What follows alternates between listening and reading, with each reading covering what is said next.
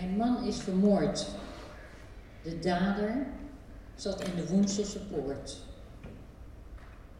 Op de dag dat ik 52 werd, werd ik ook weduwe. En we hadden nog zoveel plannen. Twaalf jaar geleden kwam ik thuis naar een gezellig etentje met mijn moeder en een paar vriendinnen. Mijn man Niek was dierenarts, hier vlakbij in de Achtste Barrière. Hij had die vrijdag nog een avondspreekuur. En we zouden mijn verjaardag verder in het weekend vieren. De assistente, die na het spreekuur de schoonmaak had gedaan, was al naar huis. Ik zag dat haar auto weg was. Omdat ik cadeaus bij me had en mijn moeder met een rollator liep, ging ik via de praktijkingang naar binnen en riep Nick of hij wilde helpen. Hij reageerde niet en dat vond ik vreemd. Een beetje mopperend deed ik alles zelf. Vervolgens heb ik hem gezocht, maar ik kon hem niet vinden. Ik rook een vreemde, wat ijzerachtige geur in huis, zag zijn sloffen op een ongewone plek staan en vond, vond zijn jas aan de kapstok en was gealarmeerd. Toen ik bloedspetters op de muur van de gang zag, schrok ik enorm. In de achtertuin, bij de schuifdeur, stond onze grote groenbak. Was ook al zo raar. Ik maakte hem open en zag hem vol zitten met bebloede handdoeken en een mat. Wat was hier gebeurd? Ik ben gaan bellen met ziekenhuizen om te vragen of er iemand met de naam Soepnel was opgenomen. Dit was niet zo en er was ook geen ambulance bij ons huis geweest. Daarna heb ik 112 gebeld. Vervolgens belde ik mijn twee stiefzoons met de uitspraak: Papa is zoek.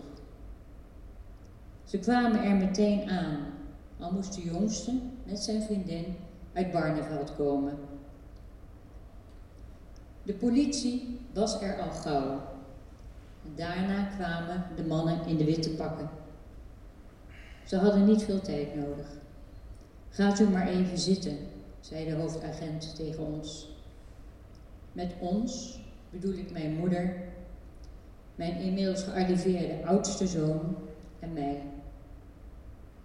De agent vertelde dat Nick in de kruipruimte van de wachtkamer was gevonden en dat hij niet meer leefde. Ik was in shock, zat te bibberen, maar we moesten meteen weg. Ons huis was nu een plaats delict. Spullen bij elkaar zoeken, onze kat naar de zolder brengen en vertrekken naar het huis van de moeder van de zoons. Een dag later werd ik verhoord op het politiebureau, net als mijn moeder en onze zoons. Dat was schokkend, waren wij verdacht.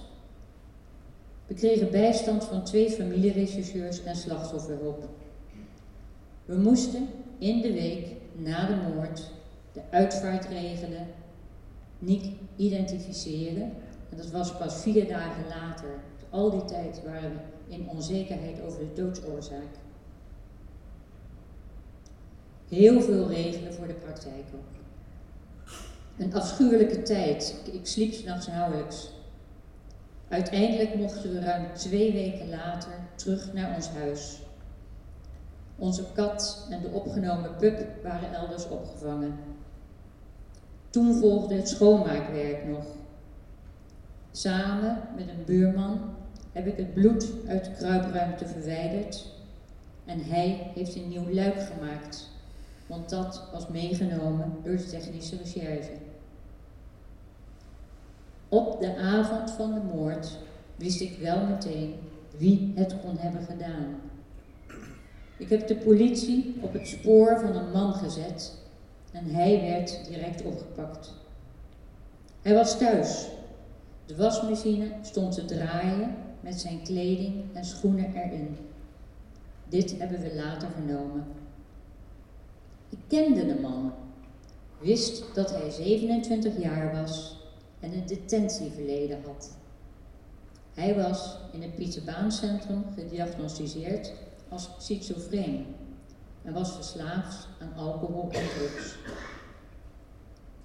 Na eerst op de gesloten afdeling van de Woenselse Poort te hebben gezeten, was hij overgeplaatst naar een open afdeling en daarna naar begeleide kamerbewoning in de wijk Vaartbroek.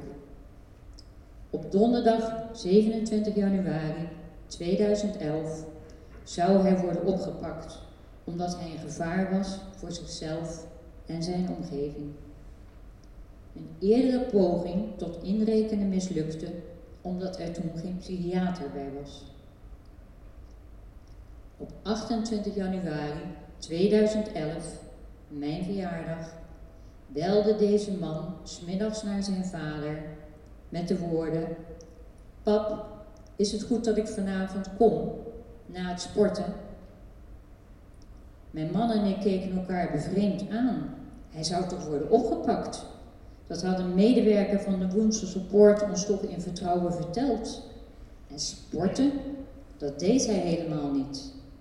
Ik schudde mijn hoofd nog, maar Niek zei, dat is goed, jochie. Diezelfde avond heeft de man zijn vader vermoord in de gang van ons huis, direct achter de voordeur. Want ja, deze man is mijn stiefzoon, die ik al vanaf zijn negen jaar ken. Erwin S.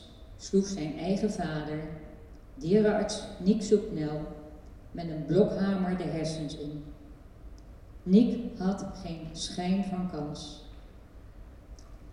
Vervolgens heeft hij zijn vader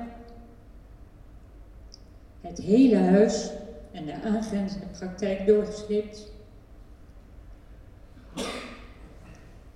om hem in de kruipruimte van de wachtkamer te dumpen.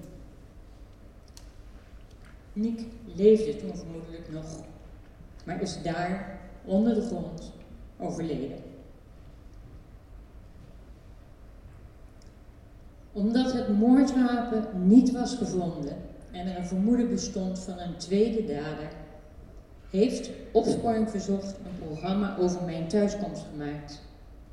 Dit leverde weinig op, maar er waren wel mensen tegen wie Erwin eerder had gezegd dat hij zijn hele familie ging vermoorden, te beginnen met zijn vader. Juist de persoon die hem nog hielp, omdat papa tegen alle stromen in van zijn zoon hield. Deze getuigenverklaringen, een minimaal DNA-spoor en een aankoopbon van de hamer hebben geleid tot de uiteindelijke veroordeling. De uitspraak was moord met voorbedachte raden, dus geen psychose. De straf, drie jaar gevangenis, daarna TBS met dwangverpleging. En Erwin had, godzijdank, geen recht op een erfenis.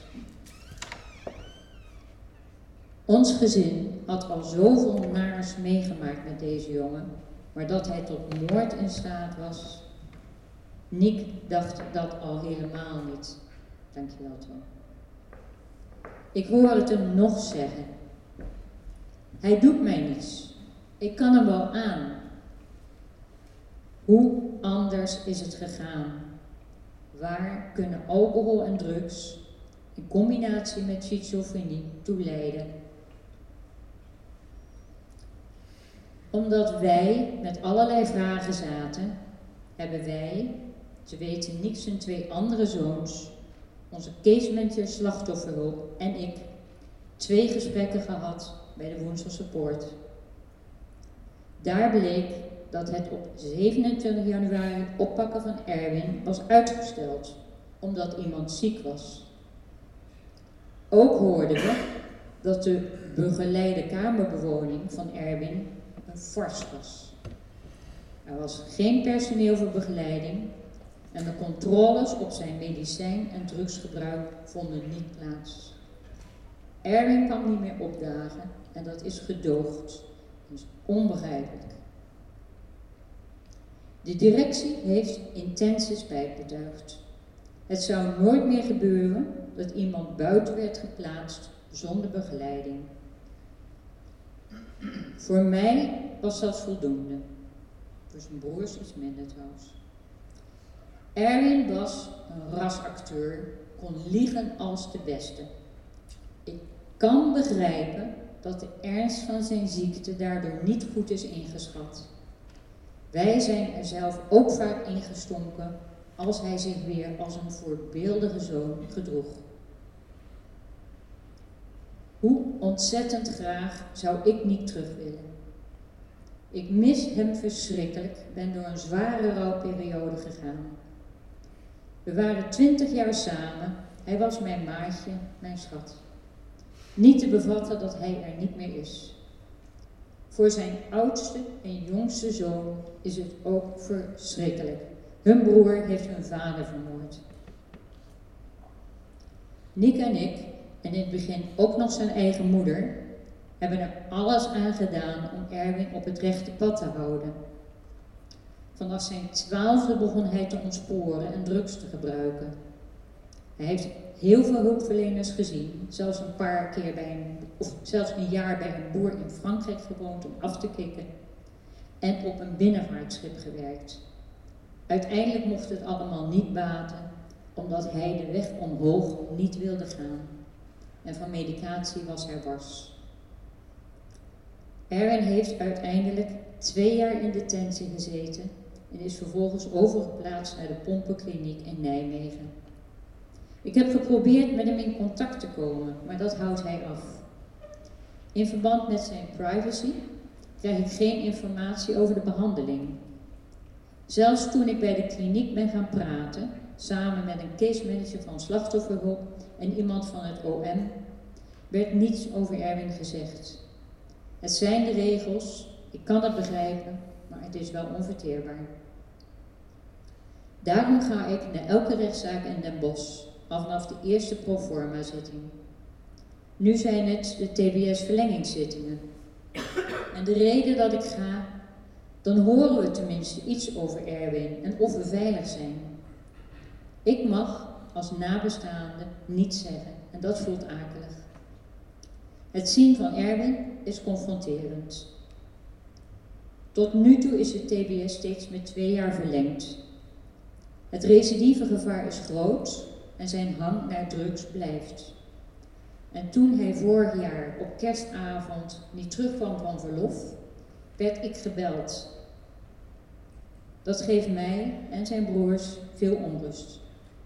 Gelukkig meldde hij zich die nacht weer. Dat hoorden we de ochtend erna. Ik gun Erwin een goed leven.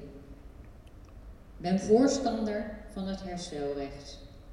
Maar vraag me af of hij ooit terug kan keren in de maatschappij. Naar mijn weten heeft hij nooit spijt betuigd en nooit verantwoording genomen voor zijn daad.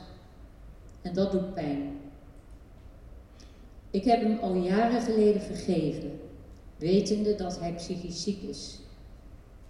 Mijn vader was dat trouwens ook en kon in zijn ziekte gewelddadig worden. Bram, dat ik al ervaring had. Erwin, zijn moeder, heeft zich van hem afgewend. Dat vind ik voor alle partijen verdrietig. Waar ik trots op ben, is dat ik de dierenartspraktijk heb weten te redden. Ik was meewerkend echtgenote, maar geen dierenarts. Ik heb twee artsen in dienst genomen en de praktijk geleid. Zijn levenswerk mag niet verloren gaan, zei ik steeds. En met z'n allen hebben we het gered en dat was voor ons en de klanten fijn. Zo konden we over Nick praten, want de schok na zijn dood was groot. Na twee jaar heb ik de praktijk verkocht en ik ben nog vijf jaar assistente geweest in dienst van de nieuwe dierenarts. De inmiddels kliniek verhuisde naar een nieuwe locatie en toen kon ik ons huis met praktijkruimte te koop zetten. Dat viel niet mee. Zie maar eens een huis te verkopen waarin een moord is gepleegd. Het is gelukt, ik heb nu een huurwoning. Na een paar jaar ben ik vrijwilligerswerk gaan doen in diverse PI's en een TBS-instelling voor de organisatie Gevangenenzorg. Dat doe ik nog steeds en maakt dat ik iets goeds kan doen met het afschuwelijke dat mij is overkomen. Ook geef ik af en toe een lezing en spreek ik mij uit in de media. Ik ben bij een lotgenotenorganisatie gegaan, de Federatie Nabestaanden Geweldslachtoffers. Een heel goede stap, we steunen elkaar. Verder word ik omringd door lieve mensen. Dat helpt mij door te gaan. Vandaar ook in de. Ik ben erg afgevallen, kamp met chronische buikpijn, had psychische hulp nodig, maar ik ben er gelukkig nog. Als ik op de avond van de moord thuis was geweest, had ik hier niet gestaan. Daarvan ben ik overtuigd. Ik ben blij dat ik leef, kan nog genieten van heel veel dingen. En mijn verjaardag blijf ik vieren, al is de ochtend voor Niek. Ik realiseer me dat ik een lang, schokkend verhaal vertel, maar het moet er gewoon uit. Liever zou ik het zonder papier doen, maar dat durfde ik vandaag niet. Ik nader het einde, zoals nog heel even heeft. Twee jaar geleden was ik voor het eerst bij deze ontmoetingsdag. En dat voelde voor mij alsof ik me in het hol van de leeuw begaf. Ik ben op een gegeven moment opgestaan om een kritische kanttekening te plaatsen bij succesverhalen over de Woenselse Poort. Ik heb benadrukt dat ik geen wolk koester jegens de behandelaren. Het zijn mensen, zei ik, denkend aan de titel van Frans boek. Toon heeft me een tijdje later benaderd. Omdat hij onder de indruk was van wat ik had gezegd. We hebben samen geluncht. En hij heeft me zijn verhaal verteld. Het contact bleef. Vorig jaar nam ik voor de tweede keer deel aan de ontmoetingsdag. Toen heb ik tegen Toon gezegd, volgend jaar sta ik daar op het podium. Hij heeft mij aangehouden. Het voelt goed. Ik vind het wel hartstikke moeilijk. Tot slot wil ik een aantal foto's laten zien, zodat u een beeld heeft van ons gezin.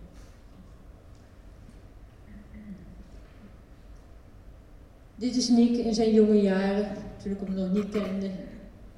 Met de drie zoons. De oudste, de jongste en rechts de middelste. Dat is dan nu een moordenaar, een dame.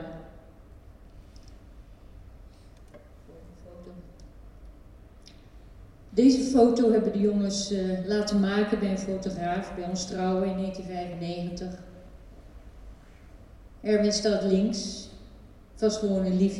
Ik mocht hem graag. Ik, ik had een heel goede band met hem. Het is onvoorstelbaar dat dat kan gebeuren. Dit is Nick tijdens onze vakantie in Griekenland. Lekker vrij, lekker ontspannen. Wij deden dat heel graag. Dit zijn we samen. Gelukkig. Niks aan toe te voegen. Dit is de laatste foto, hij is ook veel in de media geweest, eh, die van Nick en ons samen is gemaakt. Het is een maand voor zijn dood, tijdens kerst 2010. Een indruk van de schermen die rond ons huis hebben gestaan. Als uh, ja, plaatsdelict. Het bord van de dierenartspraktijk staat er nog net bovenuit. Dit is uh, de muur tegen geweld in de wijk. Eh, met naam Het Onbevattelijke. Er zitten, staan naamplaatjes op van allemaal vermoorde mensen. En uh, ja, niks staat er ook met een heel mooi plaatje. Dat is dit naamplaatje. Ik heb het door mijn zus laten maken, die trouwens niets van alles moet hebben, maar dit heeft ze wel gedaan. Voor eeuwig is je hoop vervlogen dat jij hem helpen kon. Dat is de uitspraak die meteen bij mij naar boven kwam, want het is ook zoals het is. Zijn geboortedatum, mijn verjaardag en na zijn sterfdatum. Dit is een impressie van de dag herdenken geweldslachtoffers. We lopen dan met lange linten en de namen van, van de vermoorde mensen erop. Afgelopen uh, september was het in Zwolle. Dit is een foto van ja, ontreddering. Een heel goede vriendin van mij geworden, ook haar man is vermoord. Ja, dit is wat kan gebeuren en nu vandaag trouwens ook. En dit als laatste foto. Geweld eindigt waar respect begint. 23 september 2023. De tegel die in Zwolle is gelegd door de federatie. En in elke plaats waar wij lopen met die linten uh, wordt een tegel uh, neergelegd en onthuld. Uh, het, waren, worden 350 namen nu weer voorgelezen. Niet iedereen staat op het lint, daar kies je voor. Het is een, het topje van de ijsberg. Maar het zijn niet alleen uh, moorden die gepleegd worden. Het zijn dus nou ja, afrekeningen en, en en alles. Het gebeurt gewoon bij de zoon van de dierarts. Dank u wel.